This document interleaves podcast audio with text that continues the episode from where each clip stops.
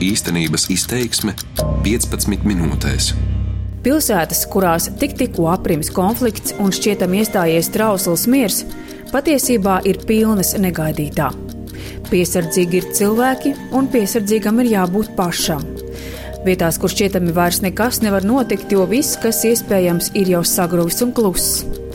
Par to pārliecinos Sīrijas ziemeļpilsētā Alepo, par ko piecās dienas grāmatās stāstīju aizvadītajā nedēļā, rīta programmā, bet šoreiz šajā raidījumā īstenības izteiksme es vēlētos jūs vēlreiz aizvest līdzi uz šo vēsturisko un kara ievainoto vietu un pastāstīt par to, ar kādu realitāti ir jāsaskars tiem, kuri vēlas pilsētā palīdzēt to atjaunot, kāda aina atklājas kādreiz greznās muzeja zālēs un privātmājās un kādu palīdzību sīrieši gaida un ar ko tiek galā paši un ar ko nē.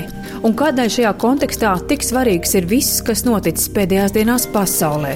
Piemēram, ASV paziņojot par izstāšanos no UNESCO, organizācijas vadības maiņa un ko tas var nozīmēt Sīrijas ceļā uz atjaunošanos. Kas, kā man, Latvijas radio žurnālistei Inai Strasdiņai, Alepo pilsētā teica vietējie, ir ne jau tikai Sīrijai svarīgi, bet cilvēcei vispār.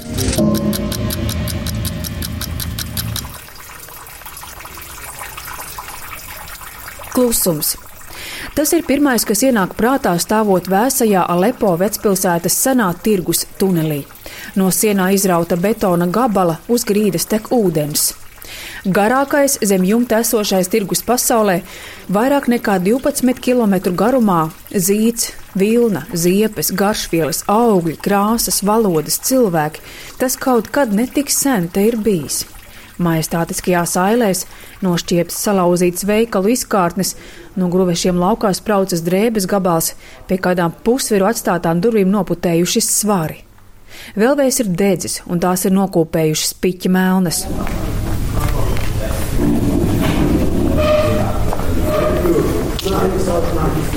Lai saprastu vecpilsētas plašumu, nonāk tirgotāja viesnīcas pagalmā, kur savulaik piesiet lopi un tālu braucēji atpūtušies no ceļa.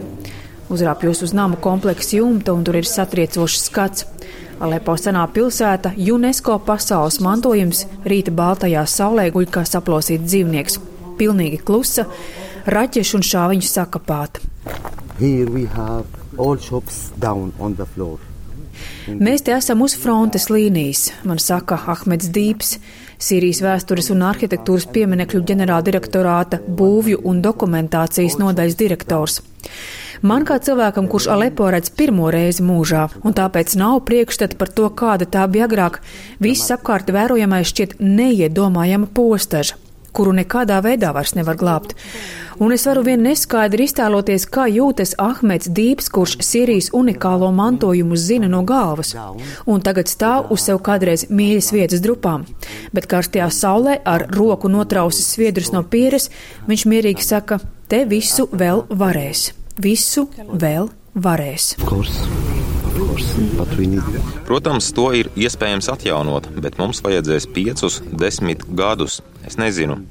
Un tas būs svarīgi ne tikai sīriešiem, bet visai pasaulē, un īpaši UNESCO. Jūs jau zināt, ka UNESCO šo pilsētu ir iekļāvusi pasaules mantojuma sarakstā. Mēs sakontaktējāmies ar viņiem, jo mums ir vajadzīga nauda, nezinu, desmit, simts miljonu dolāru, lai šo pilsētu atjaunotu, bet mēs to varēsim. Varēsim. We can, we can Vecā Alepo tirgus klusumā un tukšumā atbalsojas strādnieku darba rīku ritms. To vecpilsētā varēs dzirdēt ik pa laikam. Vēlāk eksperti, kuri redzējuši šo vietu iepriekš, sacīs, ka neiedomājamā ātrumā sīrieši ir atbrīvojuši no gruvešiem ejas un ceļus, lai varētu piekļūt būvēm, tās apskatīt un saprast, ko te vēl var darīt. Drupu aizšķūrēšana un betona gabalu lāpstošana strādniekiem nav bijusi viegla. Tas nav kā darboties vienkāršā būbedrē. Pareizie līdz akmeņiem kaudzē sastūmušās arī cilvēku ķermeņu daļas. Un Šajās dienās Alepo man ir iespējams redzēt kultūras pieminekļu eksperta un arhitektūras zinātņu doktora un art grafika e patrimoine direktora Bruno Delanda un viņa divu franču kolēģu darbu.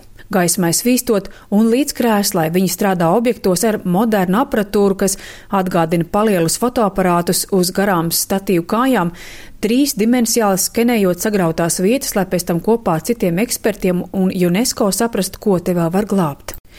Viņu darbs nebūtu nav vienkāršs. Alepo atmiņu muzeja ēkā, kas agrāk bijusi krāšņas privātnams ar plašām zālēm un iekoptu dārzu, vienā no sagrautajām istabām atrodam rindā saguldītas pelēkas raķetes, kas it kā vairs nesot bīstams. Vietējie teica, ka šeit bija nocietinājies teroristiskais grupējums Al-Nusra un gatavojas ieročus. Redzams, ka augšpusē kādreiz greznie logi, kas telpās nesuši gaismu, ir aizbāzti ar smilšu maisiem.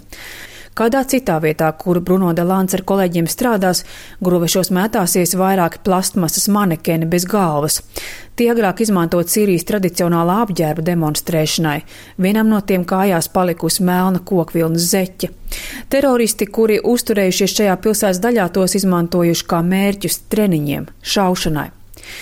Mūri nav droši, un tajos joprojām ir iestrēgušas raķetes, kas iespējams savu darbu līdz galam vēl nav paveikušas tās ir sprādzienu bīstams. To visu ir jāņem vērā, teica Bruno Delans, kad kādā pārtraukuma brīdī palūdzu viņu iznākt ārpus pagāma vecpilsētas apklusušajās ielās. Šī iela, ko redzam pirms dažām nedēļām, vispār neeksistēja, bet tagad ir veikti lieli sakopšanas un notīrīšanas darbi. Ar maziem buldozeriem šeit viss tiek atbrīvots. Ik pa laikam notiek eksplozijas, ja tie saskaras ar mīnām, bet ir ļoti daudz namu bloku, kas ir atbrīvoti un sagatavoti restaurācijas darbiem. Bruno Delāns man stāsta, ka sākumā sīrieši uz rietumu ekspertu palīdzību raudzījušies ļoti piesardzīgi, taču saprotot, ka tas ir UNESCO vajadzībām un kopējam labumam, ļoti iesaistījušies un palīdzējuši, gan parādot sagrautās vietas, gan arī iesaistoties attīrīšanas un drupu novākšanas darbos, lai vēsturiskās vietas varētu noskanēt. Rakstos atrodu, ka Alepo vecpilsēta ir bijusi mājvietas 120 tūkstošiem cilvēku. Bet visā pilsētā vēl pirms septiņiem gadiem ir mituši ap četriem miljoniem iedzīvotāju, un tādēļ tā ir bijusi pirmā lielākā pilsēta Sīrijā, vēl lielāka par galvaspilsētu Damasku, Tagad esot palicis pusotra miljonu iedzīvotāju, jo bijis gan daudz upuru, gan daudz ir devušies bēgļu gaitās. Bet Sīrijā saprast ciparus un skaļus ir grūti. Tie joprojām turpinoties karam, nevienmēr ir precīzi un uzticami. Turklāt arī esot Alepo īpaši vakaros, dzirdējuši ne tikai bombardēšanu tālumā, bet arī šaušanas troksni pilsētā gaišā dienas laikā, un var tikai minēt, kā tas papildina melno statistiku. Alepo savā ziņā ir Sīrijas kara filozofijas un taktikas modelis, lai cik tas sausi un teorētiski arī neizklausītos.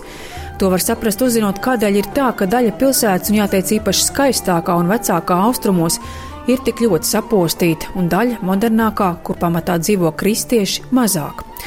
Man to skaidroja tā, ka tieši austrumi kļuva gan par sašķeltās un sadrumstalotās opozīcijas, gan arī teroristu patvēršanās vietu, kur, lai pretinieku iznīcinātu, bez žēlastības bombardēja pati prezidenta Bašara Alasada armija kopā ar Krievijas militārajiem spēkiem. Kristiešu apdzīvotā daļa, kurā bija Asada armija, tāpēc ir palikusi te un neskarta. Un tāpēc ir saprotams, kādēļ daudzi Alepo iedzīvotāji, ar kuriem runāju, izsakās pozitīvi par Asadu un Krievijas prezidentu Vladimiru Putinu, uzskatot, ka viņi, nobombardējot opozīcijas un teroristu patvērumu un vienlaikus UNESCO pasaules mantojuma vietas, ir atnesuši mieru. Pilsētā atkal ir vismaz 12 stundu elektrība, ūdens un maize. Uh, Kādu dienu apstaigājot majestātiskās mūru ieskautās Alepo citadeles, kas ir viena no vecākajām pilīm pasaulē un arī ir cietusi bombardēšanā pakāji, man klāt piesteidzās jauns puisis un tūdaļ uzrunāja angliski. Viņu sauc Sarija. Viņam ir 21 gads, un viņš pat labāk studē Damaskā, jo Alepo šobrīd tas nav iespējams, tādēļ, ka universitāte ir slēgta. Bez gara ievada, kad viņam prasu par plāniem izveidot dzīvi Sīrijā, Sarija man atklāti pasaka, ka viņam šis karš ir apnicis un viņš grib prom. Inšallah. bet es tomēr nedomāju. Tā ļoti, ļoti godīgi sakot, es negribu palikt Sīrijā, tādēļ, ka esmu ļoti šokēts par to visu, kas ir noticis. Es cerēju atrast darbu Sīrijā. Alepo var redzēt, ka te notiek atjaunošanās, bet tas notiek tik lēnu, un mums vajadzēs vēl tik daudz laika. Vecais arī, kā ir ar viņa vienaudžiem, draugiem. Man vairs nav draugu Alepo. Lielākā daļa no viņiem Sīriju ir pametuši. Es saprotu, kādēļ Sarija ir vērsies pie manis. Viņš pat nepajautāja, vai esmu žurnāliste, bet tā kā Alepo un Sīrijā vispār ārzemnieku ir maz, viņš manī saredzēja iespēju, ka aizbraucot un jau atgriežoties mājās, es nodošu viņa vēstījumu. Sarija grib prom, un viņš nebūtu nav vienīgais. Kā man vēlāk sacīs kāda Alepo iedzīvotāji, pilsētā jau tā lielākoties ir palikušas sievietes un bērni, jo jauni vīrieši spēka gados ir devušies prom, lielākoties divu iemeslu dēļ lai vairītos no iesaukšanas Sīrijas valdības armijā un arī lai mēģinātu nopelnīt un palīdzēt ģimenēm. Bet kā to izdarīt, tas arī vien ir smags jautājums, jo saiknes, piemēram, ar rietumu pasauli Sīrijai šobrīd ir ļoti ierobežotas. Banku transakcijas nav iespējamas, ceļošana un sazināšanās vispār ir ārkārtīgi apgrūtināta. Tomēr es arī dzirdu, ka Alepo un arī citur Sīrijā cilvēki, kuri ir bijuši bēgļu gaitās, pamazām atgriežas. Ne tā, ka to varētu acīm redzami manīt ielās. Tik daudzos un organizētos autobusos, kādos Alepo iedzīvotājus aizvadītajā decembrī evakuēja no mēnešiem aplenktās pilsētas, pagaidām tā neviens neatgriežas, taču pa ceļam uz Alepo manī kravas auto ar iedzīvi mēbelēm dodamies pilsētas virsienā, un vietējie stāsta, ka atgriešanās pamazām tiešām notiek. Cilvēkiem esot jāiegūst atļauja remontēt un atjaunot sapostītos namus. Un ir ļoti neparasti un vienlaikus arī satriecoši vērot, kā ļoti smagi apšaudīts mājas augšējā stāvā pa logu laukā veras ģimene, sieviete baltā galvas lakatā un četras mazas tumšas galvas, bērni, vai kaut kur kāds uz saplaisājušu balkona ir izžāvis veļu. Un tas ir netālu no agrāk gleznās un tagad sagrautās vecpilsētas, uz kuru miera laikos no šiem pašiem nama logiem būtu pavēries satriecošs skats. Kad gatavoju šo stāstu par Alepo, vēroju, kas notiek pasaulē, un redzu, kā daudzi notikumi tik ļoti tieši atsaucas uz Sīrijas atjaunošanos. Pirmkārt, nesenais ASV prezidenta Donalda Trumpa paziņojums par izstāšanos no UNESCO, no organizācijas, uz kuras atbalstu Sīrija šobrīd tik ļoti cer un vai gan arī ASV pašas interesēs un arī morāls pienākums nebūtu nelaimē atstātās zemes atjaunošanās. Otrakārt, UNESCO varas mājiņa. Par jauno vadītāju kļūsi bijusī Francijas kultūras ministre Audrija Azulē, kurai būs jāspēj vadīt organizāciju laikā, kad aiziet jau minētās ASV un arī Izrēla, bet tik daudz līdzekļu un atbalsta ir vajadzīgs vietām, kurās unikāls mantojums cilvēces vēstures stāsts ir apdraudēts. Un Sīrija šobrīd ir tikai viena no tām.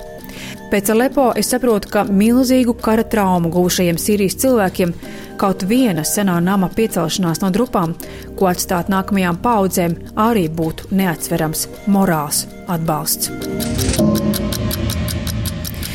Mani sauc Ina Strasdiņa, un šo raidījumu īstenības izteiksme es veidoju kopā ar skaņu operatoru Ulu Grīnbergu, bet nākam pirmdien šajā pašā laikā Sīrijas reportāžu ciklu turpināšu ar stāstu par kāda ļoti īpaša, Alepo mītoša cilvēka unikālām saiknēm ar Latviju, Rīgu un Kurzemi. Uz tikšanos! Darbības vārds īstenības izteiksmē izsaka darbību kā realitāti. Tagatnē, pagātnē vai nākotnē, vai arī to noliedz.